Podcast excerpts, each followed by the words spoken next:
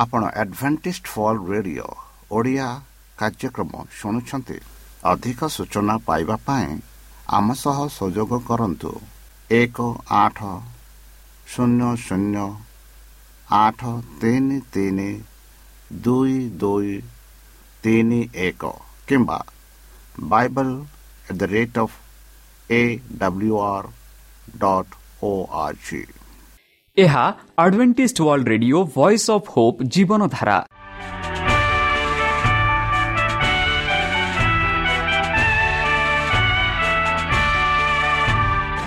Odia radio କାର୍ଯ୍ୟକ୍ରମ ଯାହା ଆମର ଆନ୍ତର୍ଜାତୀୟ ଆଘାତ କେନ୍ଦ୍ରରୁ ପ୍ରସାରଣ କରାଯାଉଛି ପ୍ରତିଦିନ ରାତି ନଅଟା ତିରିଶ ମିନିଟ୍ରେ।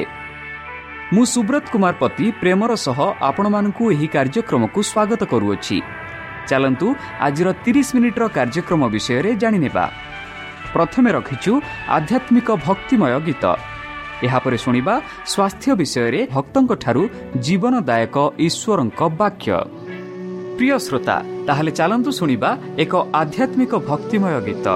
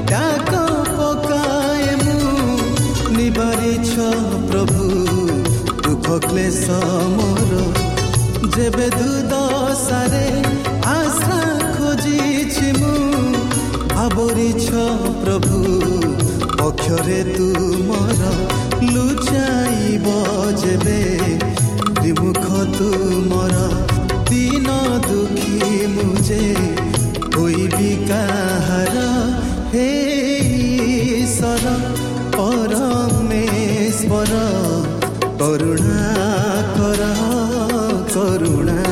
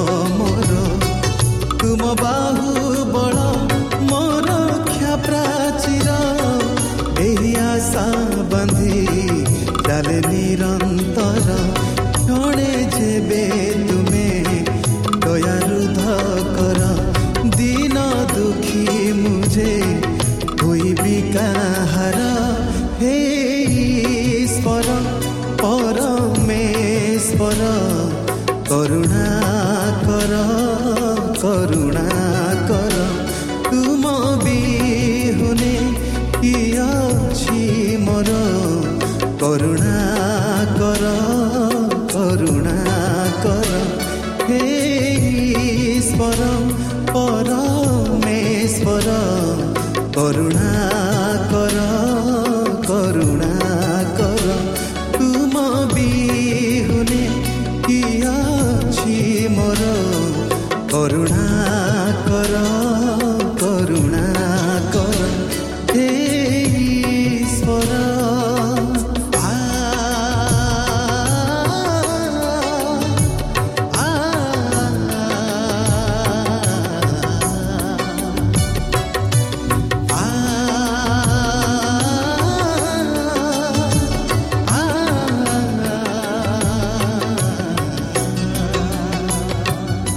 ଆମ ଠିକଣା Adventist media centre SDA mission compound Salisbury park Pune ଚାରି ଏକ ଏକ ଶୂନ ତିନି ସାତ ମହାରାଷ୍ଟ୍ର ବା ଖୋଲନ୍ତୁ ଆମର ୱେବସାଇଟ୍ ଯେକୌଣସି Android phone smartphone desktop laptop କିମ୍ବା ଟାବ୍ଲେଟ୍ ଆମର website W W W dot A W R dot O R G slash O R I ବର୍ତ୍ତମାନ ଚାଲନ୍ତୁ ଶୁଣିବା ଈଶ୍ୱରଙ୍କ ଭକ୍ତଙ୍କଠାରୁ ଈଶ୍ୱରଙ୍କ ଜୀବନଦାୟକ ବାକ୍ୟ ଆଇନ ଆଜ୍ଞା ଆଇନଗତ କି ଭାଗ ତିନି ନମସ୍କାର ପ୍ରିୟ ଶ୍ରୋତା ସେହି ସର୍ବଶକ୍ତି ସର୍ବଜ୍ଞାନୀ ପ୍ରେମର ସାଗର ଦୟାମୟ ଅନ୍ତର୍ଜମୀ ଅନୁଗ୍ରହ ପରମ ପିତାଙ୍କ ମଧୁର ନାମରେ ମୁଁ ପାଷ୍ଟ ପୂର୍ଣ୍ଣ ଚନ୍ଦ୍ର ଆଉ ଥରେ ଆପଣମାନଙ୍କୁ ଏହି କାର୍ଯ୍ୟକ୍ରମରେ ସ୍ୱାଗତ କରୁଅଛି ସେହି ସର୍ବଶକ୍ତି ପରମେଶ୍ୱର ଆପଣମାନଙ୍କୁ ଆଶୀର୍ବାଦ କରନ୍ତୁ ଆପଣଙ୍କୁ ସମସ୍ତ ପ୍ରକାର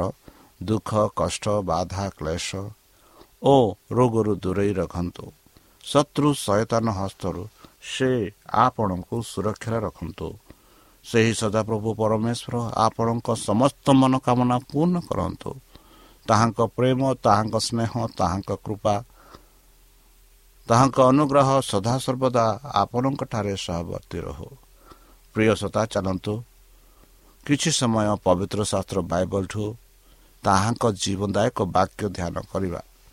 ଯେମିତିକି ଆମେ କେତେ ଦିନ ଧରି ଆଜ୍ଞା ଆଇନ ଗତ ବିଷୟରେ ଆମେ ଆଲୋଚନା କରୁଛେ। ଭାଗ ଏକ ଭାଗ ଦୁଇ ଆଲୋଚନା କରି ସାରିଛୁ। ଚାଲନ୍ତୁ ଭାଗ ତିନି ଶେଷ ଭାଗ ଆଜି ଆମେ ଆଲୋଚନା କରିବା। ବନ୍ଧୁ ପ୍ରକୃତରେ ସେ ନିର୍ଦ୍ଦିଷ୍ଟ ପୁରାତନ ନିୟମ ସମୟରେ ଈଶ୍ୱରଙ୍କ ଲୋକମାନେ ଏହା କଠିନ ଉପାୟ ଶିଖିଲେ। ଯେଉଁମାନେ ପ୍ରତିଜ୍ଞା ଦେଶ ପାଇଁ ମିଶ୍ର ଛାଡ଼ିଥିଲେ ସେମାନେ ସଂଖ୍ୟା ବହୁତ ଥିଲା। ଏହି ଗୋଷ୍ଠୀ ମଧ୍ୟରୁ କେବଳ ଦୁଇ ଜଣ କାଲେବ ଏବଂ ଝିଅଶୟ ପ୍ରଭୁଙ୍କୁ ସମ୍ପୂର୍ଣ୍ଣ ରୂପେ ଅନୁସରଣ କଲେ ଏବଂ ସେମାନେ ଏକାକୀ କିନାରରେ କିନାନରେ ପ୍ରବେଶ କଲେ। ଅନ୍ୟମାନେ ମରୁଭୂମିରେ ମୃତ୍ୟୁବରଣ କଲେ। ଯୀଶୁ କହିଥିଲେ ଯେ ଆମେ ବାଇବଲର ପ୍ରତ୍ୟେକ ବାକ୍ୟ ଦ୍ୱାରା ବଞ୍ଚିବା ଉଚିତ। ଗୋଟିଏ ଆଜ୍ଞା ବହୁତ ଅଧିକ ନୁହେଁ କିମ୍ବା ଗୋଟିଏ ଆଜ୍ଞା ବହୁତ କମ୍ ନୁହେଁ। ସେମାନେ ସମସ୍ତେ ଗୁରୁତ୍ୱପୂର୍ଣ୍ଣ ଏହା ମନେ ରଖନ୍ତୁ ବନ୍ଧୁ। ଯେତେବେଳେ ଜଣେ ବ୍ୟକ୍ତି ନୂତନ ସତ୍ୟ ଆବିଷ୍କାର କରେ ସେ ଗ୍ରହଣ କରିବା ପୂର୍ବରୁ ସମସ୍ତ ପ୍ରତିବନ୍ଧକ ହଟାଯିବା ପର୍ଯ୍ୟନ୍ତ ସେ ଅପେକ୍ଷା କରିବା ଉଚିତ ନୁହେଁ କି? ବନ୍ଧୁ ଜହନ ବାର ପଇଁତିରିଶରେ ଆମେ ଦେଖୁଅଛୁ କି ଆଲୋକ ଥିବା ବେଳେ ଚାଲ ନଚେତ୍ ଅନ୍ଧାର ତୁମକୁ ଆସିବ ନାହିଁ। ସେହିପରି ଗୀତ ସଙ୍ଗୀତା ଗୀତ ଲେଖକ ଏକଶହ ଉଣେଇଶ ଷାଠିଏ ସେ କହନ୍ତି ମୁଁ ଶୀଘ୍ର ଗଲି। ଏବଂ ତୁମର ଆଜ୍ଞା ପାଳନ କରିବାରେ ବିଳମ୍ବ କରି ନାହିଁ ପରମେଶ୍ୱରଙ୍କ ବାକ୍ୟରେ ଆମମାନେ ଅଧିକ ରୂପେ ଜାଣୁଅଛୁ କି ଏଠି ଗୀତ ଲେଖକ କହନ୍ତି କି ମୁଁ ଶୀଘ୍ର ଗଲି ଆଉ ଆପଣଙ୍କ ଆଜ୍ଞା ପାନ କରିବାର ମୁଁ କେବେ ବିଳମ୍ବ କଲି ନାହିଁ। ବର୍ତ୍ତମାନ ଆପଣମାନେ ପ୍ରଭୁଙ୍କ ବାକ୍ୟ ଶୁଣୁଛନ୍ତି। ସେ ସତ୍ୟ ବିଷୟରେ ଶୁଣୁଛନ୍ତି। ଆଉ ଶୁଣିଲା ପରେ ଯଦି ଆମେ ଆପଣ ବିଳମ୍ବ କରିବେ ତାର ସମୟ ରହିବ ନାହିଁ। ଯେଉଁ ସମୟରେ ଆପଣ ପ୍ରଭୁଙ୍କ ବାକ୍ୟ ଶୁଣୁଛନ୍ତି ସେହି ସମୟରେ ଯଦି ଆପଣ ନିଜକୁ ସମର୍ପଣ କରି ସେହି ବାକ୍ୟ ଅନୁସରଣ ଅନୁସରଣ କରିବେ ଅନୁସନ୍ଧାନ କରିବେ ତାହେଲେ ଆପଣ ନିଶ୍ଚିତ ରୂପେ ଜ୍ଞାନରେ ଲାଭ ହୋଇପାରିବେ। ପ୍ରଥମେ ଈଶ୍ୱରଙ୍କ ରାଜ୍ୟ ଏବଂ ତାଙ୍କର ଧାର୍ମିକତା ଖୋଜ ଏବଂ ଏହିସବୁ ଜିନିଷ ଗୁଡ଼ିକ ତୁମ ସହିତ ଯୋଡ଼ି ଦେବ। ଏହିପରି ମାତୃ ତେତିଶରେ ଆମେ ଛଅ ତେତିଶରେ ପାଉଛୁ କି ଆମେ ପ୍ରଥମରେ କ'ଣ କରାଯାଉଛି ସ୍ୱର୍ଗ ରାଜ୍ୟକୁ ଖୋଜିବାକୁ ପଡ଼ିବ। ତାଙ୍କ ଧାର୍ମିକତା ଖୋଜିବାକୁ ପଡ଼ିବ। ଏବଂ ଯେବେ ଆମେ ଏହିସବୁ କରିବା ଯେବେ ଆମେ ସେଇ ସ୍ୱର୍ଗ ରାଜ୍ୟକୁ ଖୋଜିବା ତାଙ୍କ ଧାର୍ମିକ ପାଇଁ ଖୋଜିବା ତାଙ୍କ ଧାର୍ମିକ ପାଇଁ ଆମେ ପବିତ୍ର ଶାସ୍ତ୍ର ବାଇବଲ ପଢ଼ିବା ତେବେ କ'ଣ ହେବ? ଯାହା ଯାହା ଆମ ଦିନ ଦୈନିକ ଜୀବନରେ ସାଂସାରିକ ଜୀବନରେ ଆବଶ୍ୟକ। ସେହି ସବୁ ଦିଆଯିବ ବୋଲି ପବିତ୍ର ଶାସ୍ତ୍ର ବାଇବଲ କହୁଅଛି। ତେବେ ଆମର ପ୍ରଥମ କର୍ତ୍ତବ୍ୟ ହେଉଛି ପ୍ରଥମ କାର୍ଯ୍ୟ ହେଉଛି କି ପରମେଶ୍ୱରଙ୍କ ଧାର୍ମିକତା ଖୋଜିବା। ପରମେଶ୍ୱରଙ୍କ ବାକ୍ୟରେ ଯାହା ଲେଖା ଅଛି ତାହା ଆମେ ପଢ଼ିବା। ପରମେଶ୍ୱରଙ୍କଠାରେ ଆମେ ନିଜକୁ ସମର୍ପଣ କରିବା। ତେବେ କ'ଣ କରିବେ ପରମେଶ୍ୱର? ଆମ ଜୀବନରେ ଯାହା ଯାହା ଦରକାର ଯାହା ଯାହା ଅଭାବ ରହିଅଛି ସେହିସବୁ ପରମେଶ୍ୱର ପୂର୍ଣ୍ଣ କରିବେ। ଆମ ମନୋକାମନା ସେହି ପରମେଶ୍ୱର ପୂରଣ କରିବେ। ବନ୍ଧୁ ଥରେ ଆପଣ ବାଇବଲର ସତ୍ୟ ବିଷୟ ସ୍ପଷ୍ଟ ହୋଇଗଲେ ଅପେକ୍ଷା କରିବା ଭଲ ନୁହେଁ। ବିଳମ୍ବ ଏକ ବିପଦଜନକ ଜାଲ ଅଟେ। ଅପେକ୍ଷା କରିବା ଏତେ କ୍ଷତିକାରକ ମନେ ହୁଏ। କିନ୍ତୁ ବାଇବଲ ଶିକ୍ଷା ଦିଏ ଯେ ଯଦି କୌଣସି ବ୍ୟକ୍ତି ଆଲୋକ ଉପରେ ତୁରନ୍ତ କାର୍ଯ୍ୟ ନ କରନ୍ତି ତେବେ ଏହା ଶୀଘ୍ର ଅନ୍ଧକାରରେ ପରିଣତ ହେବ ବୋଲି।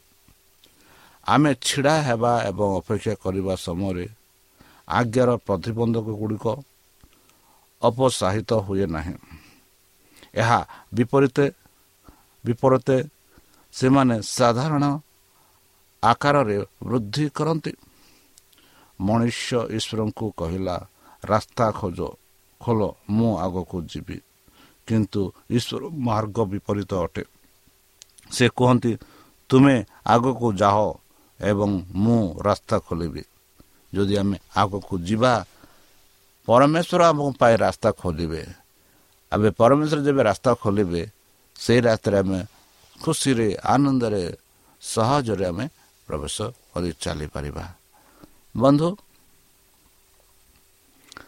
କିନ୍ତୁ ସମ୍ପୂର୍ଣ୍ଣ ଆଜ୍ଞା ଏକ ମଣିଷ ପାଇଁ ଅସମ୍ଭବ ନୁହେଁ। କି ବୋଲି ଯଦି ଆପଣ ପ୍ରଶ୍ନ ପଚାରିବେ ମାଥ୍ୟୁ ତାର ଉଣେଇଶ ଛବିଶରେ ଲେଖାଯାଇଛି ଈଶ୍ୱରଙ୍କ ସହିତ ସବୁ କିଛି ସମ୍ଭବ। ଆମେ ଯାହା ଅସମ୍ଭବ ବୋଲି ଭାବୁଛେ ଯାହା ଆମେ କରିପାରିବୁ ନାହିଁ ବୋଲି ଆମେ ଭାବୁଛେ ଈଶ୍ୱରଙ୍କ ସାହାଯ୍ୟ ଦ୍ୱାରା ସବୁକିଛି ସମ୍ଭବ ବୋଲି ପବିତ୍ର ଶାସ୍ତ୍ର ବାଇବଲ ଆମମାନଙ୍କୁ କହୁଅଛି। ସେହିପରି ପିଲିପିଓ ଚାରି ତେରରେ ଆମେ ଦେଖୁଅଛୁ କୃଷ୍ଣଙ୍କ ମାଧ୍ୟମରେ ମୁଁ ସବୁକିଛି କରିପାରେ। ଖ୍ରୀଷ୍ଟଙ୍କ ମାଧ୍ୟମରେ ଖ୍ରୀଷ୍ଟଙ୍କ ସାହାଯ୍ୟରେ ଖ୍ରୀଷ୍ଟଙ୍କ ସହରେ ମୁଁ ସବୁକିଛି କରିପାରେ ବୋଲି କିଏ କହୁଛନ୍ତି? ସାଧୁ ପାଉଲ ଏପରି ନିଜକୁ ଘୋଷଣା କରୁଛନ୍ତି। ଯିଏ ମୋତେ ଶକ୍ତିଶାଳୀ କରନ୍ତି ପରମେଶ୍ୱର ହିଁ ଏମାନଙ୍କୁ ଶକ୍ତିଶାଳୀ କରିପାରିବେ ଖ୍ରୀଷ୍ଟ ହିଁ ଏମାନଙ୍କୁ ଶକ୍ତିଶାଳୀ କରିବେ। ଆଉ ତାଙ୍କ ସାହାଯ୍ୟ ଦ୍ୱାରା ଆମେ ସବୁ କିଛି କରିପାରିବା ଯାହା ଆମମାନଙ୍କୁ ଅସମ୍ଭବ ଥାଏ। ଯାହା ଆମେ ଭାବୁଛୁ ଏହା କଷ୍ଟକର। ସବୁକିଛି ପରମେଶ୍ୱରଙ୍କ ସାହାଯ୍ୟ ଦ୍ୱାରା ଆମେ କରିପାରିବା। ଏହା ଈଶ୍ୱରଙ୍କ ବାକ୍ୟମାନଙ୍କୁ କହୁଅଛି ବନ୍ଧୁ ଈଶ୍ୱର ସବୁକିଛି କରିବା ପାଇଁ ଚାହୁଁଛନ୍ତି। ଆମର କର୍ତ୍ତବ୍ୟ ମାତ୍ର ଆମେ ତାଙ୍କ ବାକ୍ୟ ପଣି ନିଜକୁ ସମର୍ପଣ କରିବା। ଦ୍ୱିତୀୟ କରନ୍ତି ଦୁଇ ଚଉଦରେ ଆମେ ଦେଖାଉଛୁ ଈଶ୍ୱରଙ୍କୁ ଧ୍ୟାନ ଧନ୍ୟବାଦ ଦିଅ ଯେ ଯଦି ଆମକୁ ସର୍ବଦା ଖ୍ରୀଷ୍ଟଙ୍କ ଜୟ ଜୟ କରୁ ଆମେ ଯେପରି ଖ୍ରୀଷ୍ଟ ସେଇ ଦୁଃଖ କଷ୍ଟ ବାଧାରେ ସେ ଜୟ ହେଲେ। ସେଥିଯୋଗୁଁ କାଁ ପାଇଁ? ଆମ ପାଇଁ। ସେଥିଯୋଗୁଁ ଆମେ ଈଶ୍ୱରଙ୍କୁ ଧନ୍ୟବାଦ ଦେବା ହେବ। ସେହିପରି ଜହନ ପନ୍ଦର ଚାରି ପନ୍ଦର ପାଞ୍ଚରେ ଆମେ ଦେଖୁ ଯେଉଁ ଲୋକ ମୋ ଠାରେ ରହେ ମୁଁ ମଧ୍ୟ ତାଙ୍କଠାରେ ଅଧିକ ଫଳ ଦିଏ। କାରଣ ମୋ ବିନା ତୁମେ କିଛି କରିପାରିବ ନାହିଁ। ବନ୍ଧୁ ଯେତେବେଳେ ପରମେଶ୍ୱର ଆମମାନଙ୍କ ସହ ରହନ୍ତି ଯେହେତୁ ବିନା ପରମେଶ୍ୱରଙ୍କ ସାହାଯ୍ୟ ଦ୍ୱାରା ଆମେ କିଛି କରିପାରିବା ନାହିଁ ପରମେଶ୍ୱର ହିଁ ଏମାନଙ୍କୁ ସାହାଯ୍ୟ କରିବାର ଶକ୍ତି ଅଛି ଆଉ ତାଙ୍କ ସାହାଯ୍ୟ ଦ୍ୱାରା ଆମେ ବହୁତ ଫଲବାନ କରିପାରିବା ଆଉ ଯଦି ତାଙ୍କ ସାହାଯ୍ୟ ନ ରହିବ ତାହେଲେ ଆମେ କିଛି କରିପାରିବା ନାହିଁ ବୋଲି ପବିତ୍ର ଶାସ୍ତ୍ର ବାଇବଲରେ ଜହନ ପନ୍ଦର ପାଞ୍ଚରେ ଆମେ ପାଉଛୁ ଯେଉଁ ଲୋକ ମୋ ଠାରେ ରହେ ଯେଉଁ ଲୋକ ଯେଉଁ ବ୍ୟକ୍ତି ଈଶ୍ୱରଙ୍କ ଠାରେ ରହେ ଆଉ ତାଙ୍କଠାରେ ପରମେଶ୍ୱର ରୁହନ୍ତି। କାରଣ ତାଙ୍କ ବିନା ସେ କିଛି କରିପାରିବ ନାହିଁ। ତାଙ୍କ ବିନା ସେ କିଛି କରିପାରିବ ନାହିଁ। ବନ୍ଧୁ ଜିସାୟ ଏକ ଅନୁସାରେ ଆମେ ଦେଖୁଛୁ ଯଦି ତୁମେ ଇଚ୍ଛୁକ ଓ ଆଜ୍ଞା ପାଳନ କର ତେବେ ତୁମେ ଦେଶର ମଙ୍ଗଲ ଖାଇବ। ଯଦି ଆମେ ଇଚ୍ଛା କରୁଛୁ ଈଶ୍ୱରଙ୍କ ଆଜ୍ଞା ପାଳନ କରିବାକୁ ଇଚ୍ଛା କରୁଛୁ ପରମେଶ୍ୱର କହନ୍ତି କି ତୁମେ ଦେଶର ମଙ୍ଗଲ ଖାଇବ ଦେଶରେ ଯାହା ଯାହା ସୁନ୍ଦର ହେଉଛି ତାହା ସବୁ ଅନୁଭବ କରିବ ବୋଲି ପବିତ୍ର ଶାସ୍ତ୍ର ବାୟବଲାମାନଙ୍କୁ କହୁଅଛି। ବନ୍ଧୁ ଆମ ମଧ୍ୟରୁ କେହି ନିଜ ଶକ୍ତିରେ ମାନିପାରିବେ ନାହିଁ। କିନ୍ତୁ ଖ୍ରୀଷ୍ଟଙ୍କ ମାଧ୍ୟମରେ ଆମେ କରିପାରିବା ଏବଂ କରିବା ଆବଶ୍ୟକ ବନ୍ଧୁ। ଈଶ୍ୱରଙ୍କ ଅନୁରୋଧକୁ ଓ ଯୋଗ୍ୟତାକୁ ଦେଖାଯିବା ପାଇଁ ଶୈତାନ ମିଥ୍ୟା ଭାବନା କଲା ଯେ ଆଜ୍ଞା ପାଳନ କରିବା ଅସମ୍ଭବ। ମାତ୍ର ଯେପରି ଆମେ ଦେଖୁଅଛୁ ଯଦି ଏବେ ପରମେଶ୍ୱରଙ୍କ ସାହାଯ୍ୟ ମାଗିବା ଆଉ ପରମେଶ୍ୱରଙ୍କ ଠାରେ କିଛି ଅସମ୍ଭବ ନାହିଁ ସେଇ ଯେଉଁ କଥାକୁ ମନେ ରଖି ସେଇ କଥାରେ ମନେକରି ରଖି ଯୀଶୁଖ୍ରୀଷ୍ଟ ଏହି ପୃଥିବୀକୁ ଆସିଲେ। ପରମେଶ୍ୱରଙ୍କ ସମସ୍ତ ଆଜ୍ଞା ପାଳନ କଲେ। ଆଉ ପରିଶେଷରେ ଜୀବନ ଦାନ ଦେଇ ବର୍ତ୍ତମାନ ସେ ସ୍ୱର୍ଗରେ ଅଛନ୍ତି। ଆଉ ଶୈତାନଙ୍କୁ କହିଲେ ଦେଖ ଏହା ଅସମ୍ଭବ ନାହିଁ ଏହା ସମ୍ଭବ। ଏହା ସମ୍ଭବ ମଣିଷ ପବିତ୍ର ଶାସ୍ତ୍ରର ବାକ୍ୟ ବାକ୍ୟ ଦଶ ଆଜ୍ଞା ସେ ପାଳନ କରିପାରିବ। ଏହିପରି ପରମେଶ୍ୱର କହିଲେ। ବନ୍ଧୁ ଇଚ୍ଛୁକୃତ ଭାବରେ ଆଦ ଅବମାନନା କରି ଜାରି ରଖିଥିବା ବ୍ୟକ୍ତିଙ୍କ ସହିତ କ'ଣ ହେବ? ପବିତ୍ର ଶାସ୍ତ୍ର ବାଇବଲ ଏଭ୍ରି ଦଶ ଛବିଶ ସତେଇଶରେ କହେ ଯଦି ଆମେ ସତ୍ୟର ଜ୍ଞାନ ପାଇବା ପରେ ଇଚ୍ଛୁକୃତ ଭାବରେ ପାପ କରୁ ତେବେ ଆଉ ପାପ ପାଇଁ ବଳିଦାନ ରହିବ ନାହିଁ। ବରଂ ବିଚାର ଏକ ନିର୍ଦ୍ଦିଷ୍ଟ ଭୟ ଏବଂ ଭୟଙ୍କର କ୍ରୋଧ ଯାହା ଶତ୍ରୁମାନଙ୍କୁ ହ୍ରାସ କରିବ। ମାନେ ଯେଉଁ ବ୍ୟକ୍ତି ଇଚ୍ଛୁକ ଇଚ୍ଛାକୃତ ଭାବରେ ସେହି ବାକ୍ୟକୁ ଅପମାନନା କରି ଜାରି ରଖିଥିବ। ଆଉ ସେଇ ବ୍ୟକ୍ତି ସହିତ କ'ଣ ହେବ? ସେଇ ବ୍ୟକ୍ତି ସହିତ ସେଇ ବ୍ୟକ୍ତି ଘ୍ରାସ ସେଇ ବ୍ୟକ୍ତିକୁ ଘ୍ରାସ କରାଯିବ ବୋଲି ପବିତ୍ର ଶାସ୍ତ୍ର ବାଇବଲ ଆମମାନଙ୍କୁ ସ୍ପଷ୍ଟ ରୂପେ କହୁଅଛି। ସେହିପରି ଜହନ ବାର ପସ୍ତିରିଶ ଆମେ ଦେଖୁଛୁ ବନ୍ଧୁ ଆଲୋକ ଥିବା ବେଳେ ଚାଲ। ଯେତେବେଳେ ଆଲୋକ ଥାଏ ସେତେବେଳେ ଚାଲ। ନତେଜ ଅନ୍ଧକାର ଆସିଲେ ଆପଣ କ'ଣ ହେବ? ଝୁଣ୍ଟି ପଡ଼ିବ। ଏଥିଯୋଗୁଁ ପରମେଶ୍ୱର କହନ୍ତି ଯେବେ ପରମେଶ୍ୱରଙ୍କ ବାକ୍ୟ ଶୁଣୁଛ ଶୁଣିଲା ପରେ ତା ବାକ୍ୟ ଅନୁସାରେ ଚାଲ ଆଉ ଯଦି ତୁମେ ଚାଲିବ ନାହିଁ ଅବହେଳା କରିବ ତାହେଲେ ପଛେ ତୁମେ ଝୁଣ୍ଟି ପଡ଼ିବ ଯେହେତୁ ତୁମେ ଅନ୍ଧାରରେ ପ୍ରବେଶ କରୁଛ ବାଇବଲ ସନ୍ଦେହ ପାଇଁ କୌଣସି ସ୍ଥାନ ଛାଡ଼ ନାହିଁ। ଉତ୍ତରଟି ଗୁରୁତ୍ୱପୂର୍ଣ୍ଣ ବନ୍ଧୁ। କିନ୍ତୁ ସତ ଅଟେ ଯେତେବେଳେ ଜଣେ ବ୍ୟକ୍ତି ଜାଣିଶୁଣି ଆଲୋକକୁ ପ୍ରତ୍ୟାଖ୍ୟାନ କରେ ଏବଂ ଅପମାନରେ ଚାଲିଥାଏ ଆଲୋକ ଶେଷରେ ଲିଭିଯାଏ ଏବଂ ସେ ସମ୍ପୂର୍ଣ୍ଣ ଅନ୍ଧକାରରେ ରହିଥାଏ ସତ୍ୟକୁ ପ୍ରତ୍ୟାଖ୍ୟାନ କରୁଥିବା ବ୍ୟକ୍ତି ମିଥ୍ୟା ବୋଲି ସତ୍ୟ ବୋଲି ବିଶ୍ୱାସ କରୁଥିବାକୁ ଏକ ଦୃଢ଼ ଭ୍ରାନ୍ତି ଗ୍ରହଣ କରନ୍ତି। ଏହିପରି ଦ୍ୱିତୀୟ ଥସରଣୀୟ ଦୁଇ ଏଗାରରେ ପାଉଛୁ। ଯେତେବେଳେ ଏହା ଘଟେ ସେ ହଜିଯାଏ ବନ୍ଧୁ ସେ ହଜିଯାଏ। ତାହେଲେ ଆଜ୍ଞା ପାଳନ ଅପେକ୍ଷା ପ୍ରେମ ଅଧିକ ଗୁରୁତ୍ୱପୂର୍ଣ୍ଣ ନୁହେଁ କି? ବୋଲି ଆମେ ଅଧିକ ଭାବରେ ପ୍ରଶ୍ନ କରିଥାଉ। ମନେ ରଖନ୍ତୁ ପ୍ରେମକୁ ଯଦି ଆମେ କହୁଅଛୁ ପ୍ରେମ ଯଦି ଆମେ କରୁଛୁ ତାହେଲେ ତାଙ୍କ ଆଜ୍ଞା ପାଳନ କରିବାକୁ ପଡ଼ିବ। ଯୀଶୁ ଉତ୍ତର ଦେଲେ ଯଦି କେହି ମୋତେ ପ୍ରେମ କରେ ତେବେ ସେ ମୋର ବାକ୍ୟ ପାଳନ କରିବେ। ଯିଏ ମୋତେ ପ୍ରେମ କରେ ନାହିଁ ସେ ମୋତେ ମୋର ବାକ୍ୟ ପାଳନ କରେ ନାହିଁ। ବନ୍ଧୁ ଏହା ସ୍ପଷ୍ଟ ରୂପେ ଆମମାନଙ୍କୁ କହୁଛି। ଆମେ ପ୍ରେମ ପ୍ରେମ କହୁଛୁ। ଯଦି ଆମେ ପ୍ରେମ କହୁଛୁ ତ ନିଶ୍ଚିତ ରୂପେ ତାଙ୍କ ଆଜ୍ଞା ମାନ ପାଳନ କରିବା। ଏହା କେତେ ସୁନ୍ଦର ଭାବରେ ଆମେ ଦେଖୁଅଛୁ ପବିତ୍ର ଶାସ୍ତ୍ର ପାଇବରେ କି ଆମେ ଈଶ୍ୱରଙ୍କ ବାକ୍ୟକୁ ମାନିବାକୁ ପଡ଼ିବ ପ୍ରେମ କରିବାକୁ ପଡ଼ିବ। ସେହି ରୂପେ ପ୍ରଥମ ଜନ ପାଞ୍ଚ ତିନିରେ ଆମେ ଦେଖୁଛୁ ଏହା ହେଉଛି ଈଶ୍ୱରଙ୍କ ପ୍ରେମ ଯେ ଆପଣା ଯେ ଆମେ ତାଙ୍କର ଆଜ୍ଞା ପାଳନ କରୁ ଏବଂ ତାଙ୍କର ଆଦେଶ ଭାରି ନୁହେଁ। କେଡ଼େ ସୁନ୍ଦର ଭାବରେ ଜହନ ଲେଖନ୍ତି କି ଆମେ ଈଶ୍ୱରଙ୍କୁ ପ୍ରେମ କରୁ କାରଣ ତାଙ୍କ ଆଜ୍ଞା ପାଳନ କରୁ। ଆଉ ତାଙ୍କ ଆଜ୍ଞା ଯେବେ ଆମେ ପାଳନ କରୁ ସେଟା ଭାରି ନୁହେଁ। ଏହା ଭାରି ନୁହେଁ। ବନ୍ଧୁ ଆଦ୍ୟ ନୁହେଁ ବାଇବଲ ପ୍ରକୃତିରେ ଶିକ୍ଷା ଦିଏ ଯେ ଈଶ୍ୱରଙ୍କ ପ୍ରତି ପ୍ରକୃତ ପ୍ରେମ ପ୍ରକୃତର ମିଳେ ମାନି ନଥାଏ। କିନ୍ତୁ ଈଶ୍ୱରଙ୍କ ପ୍ରତି ପ୍ରେମ ଏବଂ ପ୍ରଶଂସା ବିନା ଜଣେ ବ୍ୟକ୍ତି ପ୍ରକୃତରେ ଆଜ୍ଞାକାରୀ ହୋଇପାରିବ ନାହିଁ। କୌଣସି ପିଲା ନିଜ ପିତାମାତାଙ୍କୁ ସମ୍ପୂର୍ଣ୍ଣ ରୂପେ ମାନିବେ ନାହିଁ ଯଦି ସେ ସେମାନଙ୍କୁ ଭଲ ପାଆନ୍ତି ନାହିଁ। କିମ୍ବା ଯଦି ସେ ତାହା ନ ମାନନ୍ତି ତେବେ ସେ ନିଜ ପିତାମାତାକୁ ପ୍ରେମ ଦେଖାଇ ପାରିବେ ନାହିଁ। ପ୍ରକୃତ ପ୍ରେମ ଏବଂ ଆଜ୍ଞା ମିଳିତ ଜାଣିଲା ପରେ ଯେତେବେଳେ ଅଲଗା ହୋଇଯାଏ ସେମାନେ ମରନ୍ତି। ବନ୍ଧୁ କିନ୍ତୁ ଖ୍ରୀଷ୍ଟଙ୍କଠାରେ ପ୍ରକୃତ ସ୍ୱାଧୀନତା ପ୍ରକୃତରେ ଆମକୁ ଆଜ୍ଞାରୁ ମୁକ୍ତ କରେ ନାହିଁ ଯଦି ତୁମେ ମୋତେ ମୋର ବାକ୍ୟରେ ରୁହ ତୁମେ ସତ୍ୟ ଜାଣିବ ଏବଂ ସତ୍ୟ ତୁମକୁ ମୁକ୍ତି କରିବ। ଯିଏ କେବେ ପାପ କରେ ସେ ପାପରୁ ଦାସ ଅଟେ ବୋଲି ଜହନ ଆଠ ଏକତିରିଶ ବତିଶ ଚଉତିରିଶରେ ଆମେ ଦେଖୁଅଛୁ। ଯିଏ ସେ ପାପ କରେ ସେ ପାପର ଦାସ ତାହେଲେ ଏଟା ପ୍ରକୃତରେ ସ୍ୱାଧୀନ ନୁହେଁ। ଈଶ୍ୱରଙ୍କ ଧନ୍ୟବାଦ ଦିଅନ୍ତୁ।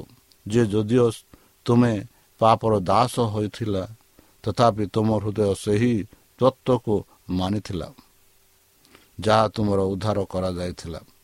ଏବଂ ପାପରୁ ମୁକ୍ତ ହୋଇ ତୁମେ ଧର୍ମର ଦାସ ହୋଇଅଛ। ରମିୟ ଛଅ ସତର ଅଠରରେ ସାଧୁପାଲ ଆମମାନଙ୍କୁ ଏହିପରି ବୁଝାଇ କହୁଛନ୍ତି।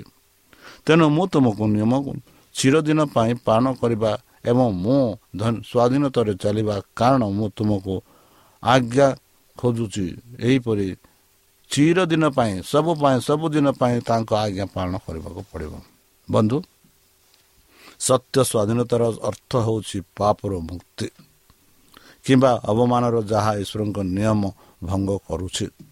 ତେଣୁ ପ୍ରକୃତ ସ୍ୱାଧୀନତା କେବଳ ଆଜ୍ଞାରୁ ଆସିଥାଏ। ବିନୟ ନିୟମ ପାଳନ କରୁଥିବା ନାଗରିକମାନଙ୍କର ସ୍ୱାଧୀନତା ଅଛି। ଅବାଧ୍ୟ ବ୍ୟକ୍ତି ଧାରଣା ଯାଏ ଧରାଯାଏ ଏବଂ ସେମାନଙ୍କ ସ୍ୱାଧୀନତା ହରାନ୍ତି।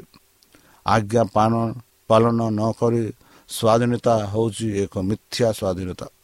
ଏହା ଦ୍ୱନ୍ଦ୍ୱ ଏବଂ ଆଜାରକାତା ଆଡ଼କୁ ଅଗ୍ରସର ହୁଏ। ପ୍ରକୃତ ଖ୍ରୀଷ୍ଟିଆନ ସ୍ୱାଧୀନତା ଅର୍ଥ ହେଉଛି ଅବାଧ୍ୟତା ଠାରୁ ମୁକ୍ତ। କ'ଣ ଆପଣ ସେହି ଅବାଧ୍ୟ ଠାରୁ ମୁକ୍ତ ହେବାକୁ ଚାହୁଁଛନ୍ତି କି? ତାହେଲେ ଚାଲନ୍ତୁ। ସେହି ପରମେଶ୍ୱର ଯିଏକି ଏମାନଙ୍କୁ ଏତେ ପ୍ରେମ କରନ୍ତି ସେ ସେହି ପ୍ରେମ ଯୋଗୁଁ ଏହି ପୃଥିବୀକୁ ଆସିଲେ ଆଉ ଆମ ପାଇଁ ମରଣ ଭୋଗ କଲେ। ବନ୍ଧୁ ତାହେଲେ ଚାଲନ୍ତୁ। ନିଜକୁ ସେହି ପରମେଶ୍ୱରଙ୍କ ହସ୍ତରେ ସମର୍ପଣ କରି ତାହାଙ୍କ ମଧୁର ନାମେ ଆମେ ପ୍ରାର୍ଥନା କରିବା। ହେ ଆମ୍ଭମାନଙ୍କ ସର୍ବଶକ୍ତି ସର୍ବଜ୍ଞାନୀ ପ୍ରେମର ସାଗର ଦୟାମୟ ଅନ୍ତର୍ଜମୀ ଅନୁଗ୍ରହ ପରମ ପିତା ଧନ୍ୟବାଦ ଅର୍ପଣ କରୁଅଛୁ ପ୍ରଭୁ ବର୍ତ୍ତମାନ ଯେଉଁ ବାକ୍ୟ ତୁମ ଭକ୍ତମାନଙ୍କୁ ଶୁଣିଲା ସେହି ବାକ୍ୟ ଅନୁସାରେ ଏମାନଙ୍କୁ ଚାଲିବା ପାଇଁ ବୁଦ୍ଧିରେ ଜ୍ଞାନରେ ଶକ୍ତିରେ ପରିପୂର୍ଣ୍ଣ କର ଆମ ପାପ ସବୁ ତୁମ ସେହି ବହୁମୂଲ୍ୟ ରକ୍ତରେ ପରିଷ୍କାର ରୂପେ ଧୋଇଦିଅ। ଆଉ ପରିଶେଷ ଯେବେ ତୁମେ ତୁମ ସେହି ସହସ୍ର ଦୂତଙ୍କ ସହ ଆସିବେ ସେତେବେଳେ ଆମମାନଙ୍କୁ ସେହି ସ୍ୱର୍ଗରେ ଏକ ବାସସ୍ଥାନ ଦିଅ ବୋଲି ତ୍ରାଣକର୍ତ୍ତା ପ୍ରଭୁ ଯୀଶୁଙ୍କ ମଧୁରମ ନାମରେ ଏହି ଛୋଟ ବିକ୍ଷମ ଅଛି ସୁନିକରଣ କର। ଆମେ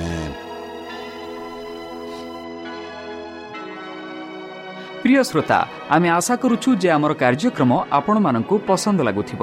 ଆପଣଙ୍କର ମତାମତ ଜଣାଇବା ପାଇଁ ଆମର ଏହି ଠିକଣାରେ ଯୋଗାଯୋଗ କରନ୍ତୁ। ଆମ ଠିକଣା Adventist media centre SDA mission compound Salisbury park Pune ଚାରି ଏକ ଏକ ଶୂନ ତିନି ସାତ ମହାରାଷ୍ଟ୍ର। ବା ଖୋଲନ୍ତୁ ଆମର ୱେବସାଇଟ୍ ଯେକୌଣସି Android phone smartphone desktop laptop କିମ୍ବା ଟ୍ୟାବ୍ଲେଟ୍ ଆମର website W W W dot A W R dot O R G slash O R I ଏବଂ W W W dot Adventist media centre India dot O R G Adventist media centre ଇଣ୍ଡିଆର spelling ହେଉଛି A D V E N T I S T M E D I A C E N T R E I N D I A ଅଥବା download କରନ୍ତୁ ଆମର mobile app ଆପଣଙ୍କର mobile play ଷ୍ଟୋରକୁ ଯାଆନ୍ତୁ ଆଉ type କରନ୍ତୁ the voice of hope ଆଉ download କରନ୍ତୁ ଈଶ୍ୱର ଆପଣଙ୍କୁ ଆଶୀର୍ବାଦ କରନ୍ତୁ ଧନ୍ୟବାଦ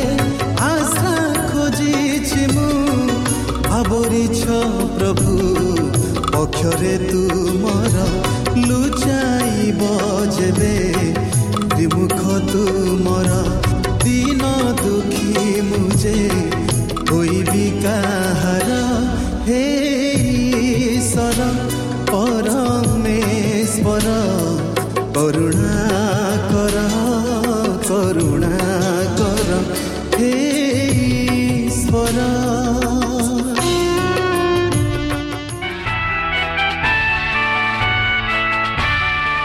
ଆପଣ ଆଡଭେଣ୍ଟିଷ୍ଟ ଫଲ୍ ରେଡିଓ ଓଡ଼ିଆ କାର୍ଯ୍ୟକ୍ରମ ଶୁଣୁଛନ୍ତି ଅଧିକ ସୂଚନା ପାଇବା ପାଇଁ ଆମ ସହ ସଂଯୋଗ କରନ୍ତୁ। ଏକ ଆଠ ଶୂନ୍ୟ ଶୂନ୍ୟ ଆଠ ତିନି ତିନି ଦୁଇ ଦୁଇ ତିନି ଏକ କିମ୍ବା Bible at the rate of A W R dot O R G